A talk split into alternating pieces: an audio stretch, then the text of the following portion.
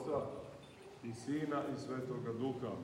Časni oci, draga braćo i sestre, narode Božiji, draga deco, evo, približavamo se proleću, a proleće je pre, period vaskrsenja prirode, koji nas podsjeća na ono večno proleće, na vaskrsenje, u večni život koje nam je omogućeno vaskrsenjem gospoda našeg Isusa Hrista, Logosa Božijeg, koji postade ono što smo mi, kako su oci govorili, da bi nas učinio onim što je On, da bi nas učinio bogovima po blagodati, da bi nas učinio da učestvujemo u večnom Božijem životu, onoliko koliko je to nama kao stvorenima, kao stvorenoj prirodi dostupno. I kako se i priroda polako budi, tako i u nama treba da se sve više budi želja za novim životom, za novim ustajanjem. Prolazi zima ovoga života da bi nastupilo proleće. Odnosno, svaki dan čovek treba da prošavši kroz zimu ovoga života, kroz stradanja različita, nepravde, bolesti, rastanke, hodeći ovom dolinom plača, da čezne za večnim vaskrsenjem, da veruje u njega, da je otvoren za njega, da se njemu nada i da se sa tim iskustvom potpuno sjedini, da postane onaj ko sa vaskrsava sa gospodom Hristom. Eto, setite se toga kada ulazite u ovaj sveti hram, da mi treba da probudimo u sebi veru, pokretom svoje volje, zato smo stvoreni, da se opredelimo za veru. To u nama budi nadu, čovek koji veruje, on se i nada, a vera i nada se razrešuju u onome što nikad ne prestaje, a to je ljubav. Ljubav je iskustvo zajednice, iskustvo kada deliš svoje biće sa drugim.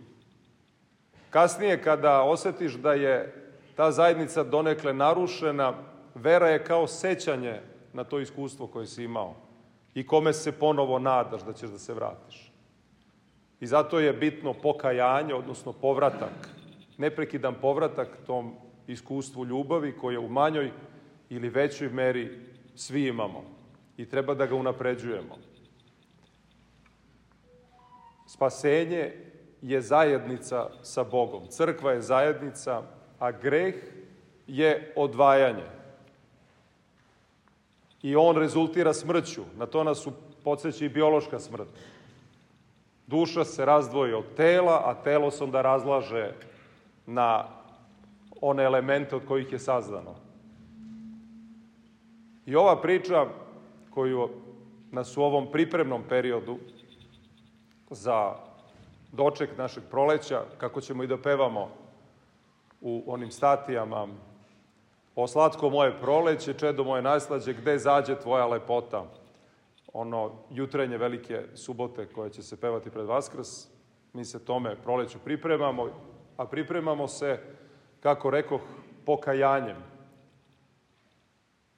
I tema pokajanja, povratka Bogu, povratka samome sebi, zapravo, je tema koja će da prati ceo post, svetu četrdesetnicu koja nas očekuje. I gospod Hristos govori ovu priču o cariniku i fariseju, mitaru i fariseju, koju smo svi mnogo puta čuli, koja je uvod u ovaj blagosloveni period i govori o dvojici ljudi koji se mole. Jedan koji je ispravan, on je pravedan, ispunjuje zakon Božiji, sve ono što propisuje sve zahteve pobožnosti spoljašnje ispunjava, on je pravedan, on daje desetak od svega što ima, on ne čini preljubu i zahvaljuje se Bogu što je takav. On Bogu blagodari što je ispravan. Praktično time osuđujući sve one druge. I šta čini? Ne može da se zaustavi na tome samo načelno osuđujući ceo svet. On se okomio i na još jednog čoveka za koga svi znaju sve ovo, da je suprotno od onoga što je on. On je najgori čovek, carinici su bili ljudi vrlo izopačeni, oni su ubirali porez za Rimljane, okupatorsku silu onoga vremena, tako da su doživljavani kao izdajnici, nemoralni ljudi koji su bili gramzivi i ne samo da su uzimali ono što im je okupatorska vlast nalagala, nego su pljačkali još više. Pa se sećate prošle nedelje čitano kako onaj Zakije reče ako koga oštetih, vratit ću četvorostruko. Taj čovek nije bio pošteđen molitvom ovoga pravednika, pod znacima navoda. On je osudio sve preljubnike, sve one koji su gramzivi, sve nepravednike i rekao Bogu hvala ti Bože što nisam kao oni i što nisam kao ovaj carinik. I tada je ispoljio bezumnost svoju, tada je ispoljio sav promašaj svoga života i odnosa sa Bogom i to je u krajnjoj liniji dobro kada čovek pogreši i kada postane makar malo više svestan nekada onoga što je sve vreme nosio u sebi. Potrebni su nekad simptomi da bi se pokazala bolest koju nosimo negde duboko u sebi. I on govori, osuđujući, da je dobro što je on odvojen od ovoga carinika. I zbog toga je on zadovoljan.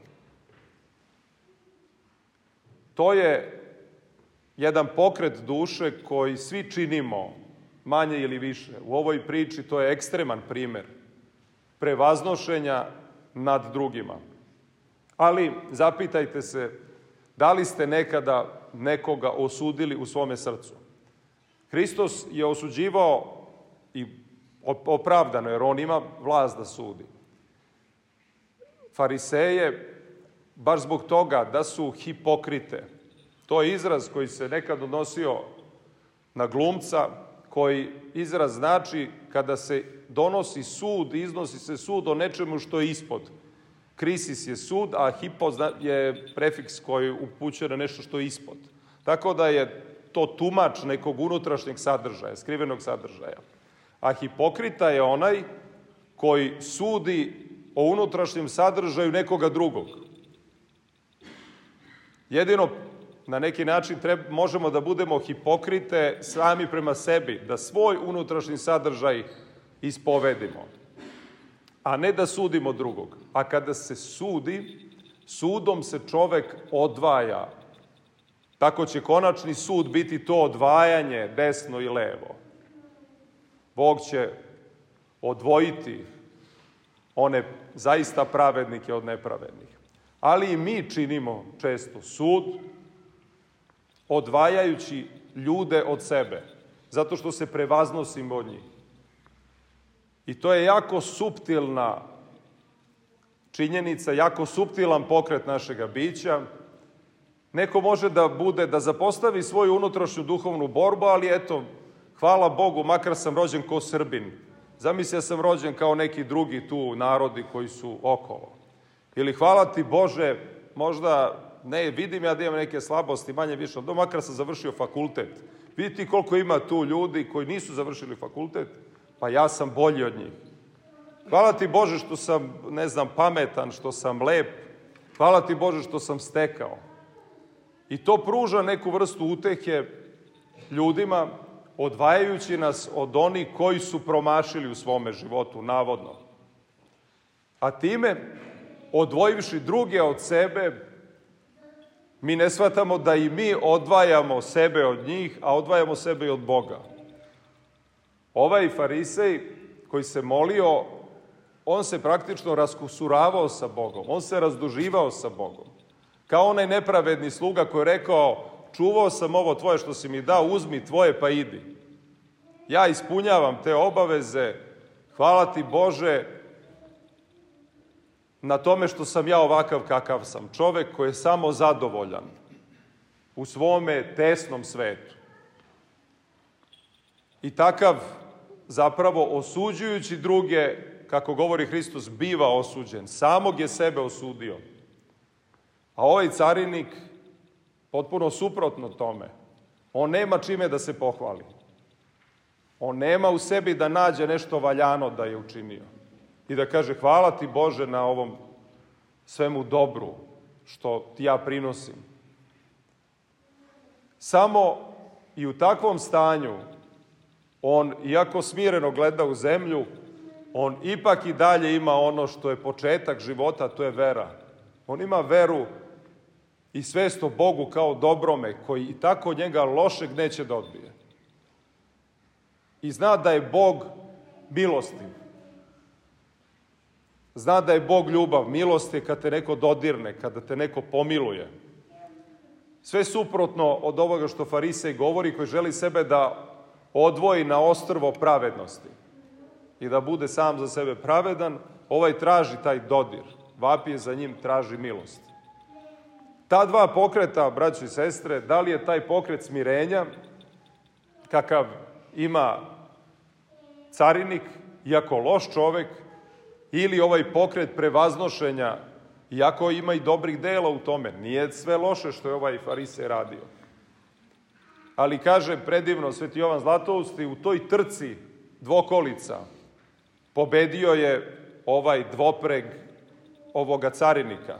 Ovaj je upregao pravednost i prevaznošenje, gordost, a ovaj je upregao nepravednost i smirenje. Ispade da je ova dvokolica koja je bila, koje je vuklo smirenje, da je stigla brže. Ali ova priča, braći i sestre, nije neka priča iz davnine o nekom tamo narodu koji je dalek nama, to je priča o svima nama. Svaki put kada se prevaznosiš nad bilo kime zato što imaš nešto što taj nema, ti si sebe osudio. Ti sebe osuđuješ na onaj, u onom konačnom sudu. Jedini način da se čovek, da dođe sebi jeste ovo što nam je carinik ostavio kao obrazac. I njegovo opravdanje, a to je da su nam oči ka zemlji od koje smo sazdani, pa da nam se onda srce diže ka gospodu iz tog smirenja i da se tako vraćamo gospodu. Eto, neka bi nam gospod Bog dao carinikovo smirenje, carinikovo pokajanje i da se lečimo od bezumlja farisejskog, bezumlja licemernog, ne bi li nas gospod prepoznao, jer će nas samo, kako reče, po ljubavi prepoznati. Po toj čežnji za njim, čežnji za sjedinjenjem sa njim, a neka bismo ga proslavljali i sada i u večnosti, Oca i Sina i Svetoga Duha.